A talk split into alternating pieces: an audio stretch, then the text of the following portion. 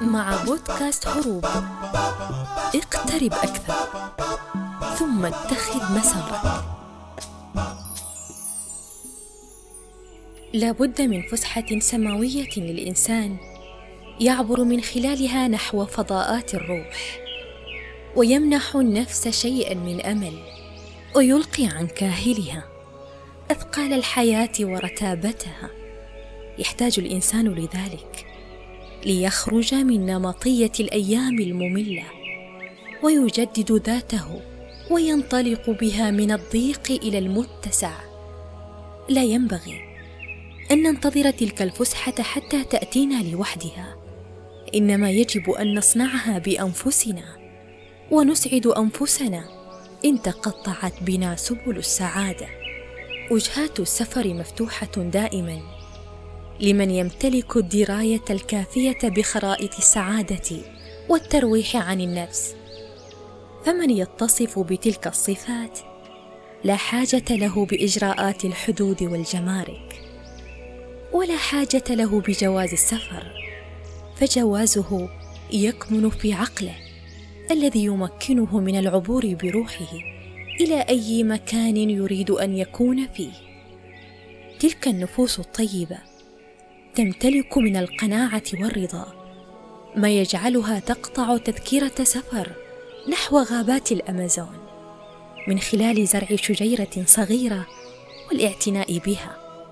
وتقطع تذكرة أخرى نحو السعودية بغرس فسيلة نستشعر معها رمال الصحراء وواحات الخير ونسائم العزة والشموخ.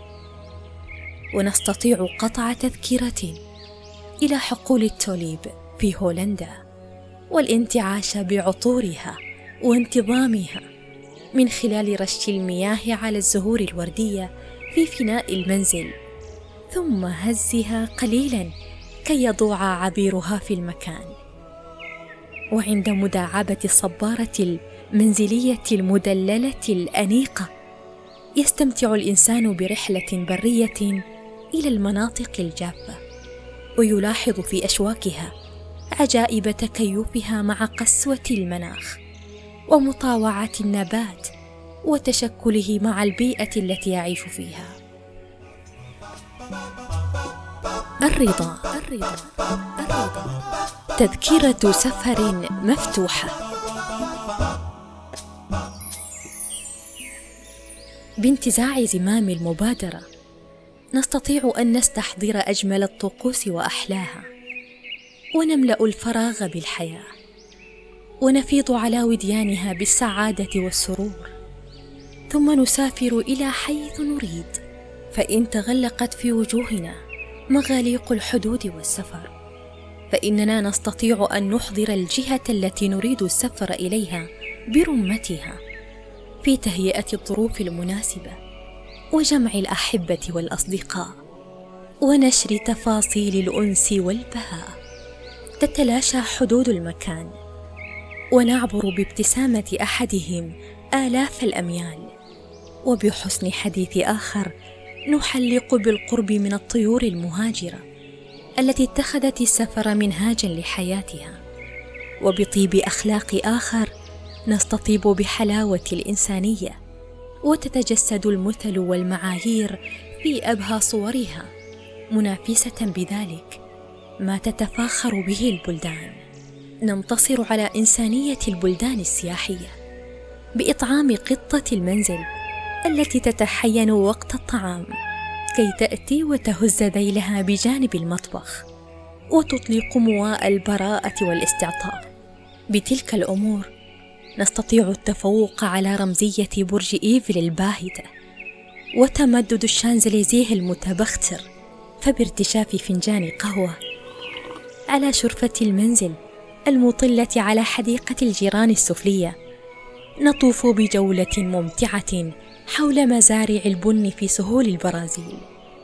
أما عندما نقرأ كتابا فيه محتوى مفيد ومعلومات قيمة فإنه يجعلنا نمتطي صفحاته ونخرج برحلة مميزة وننتقل بتقليبها إلى عوالم مختلفة ومتنوعة حيث ننسى حين ذاك الوقت ويتسلل من إدراكنا دون أن نشعر. على بساط علاء الدين السحري نطوف في جولة استطلاعية.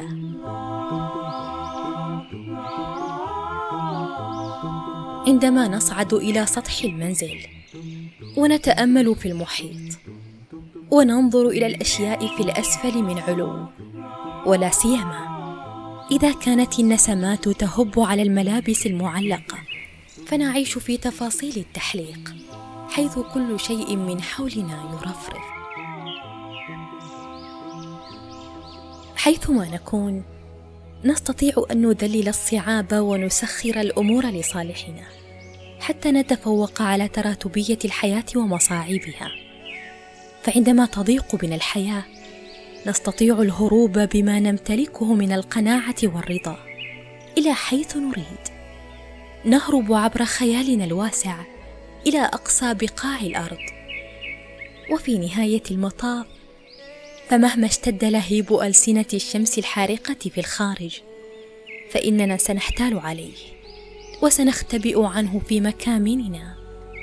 فما إن نوجه نسائم المكيف الباردة حتى نغادر نحو غريلاند وألاسكا. هناك حيث السيطرة لعرائس الثلج المتراكمة والرداء الأبيض الذي يكسو كل شيء. حينها يتمحور العشق حول فنجان القهوة الساخن وكتيب ممتع. ننزلق فيه بنهر جليدي من المتعة. فلن نبتئس لطالما أن مفاتيح السعاده بين أيدينا.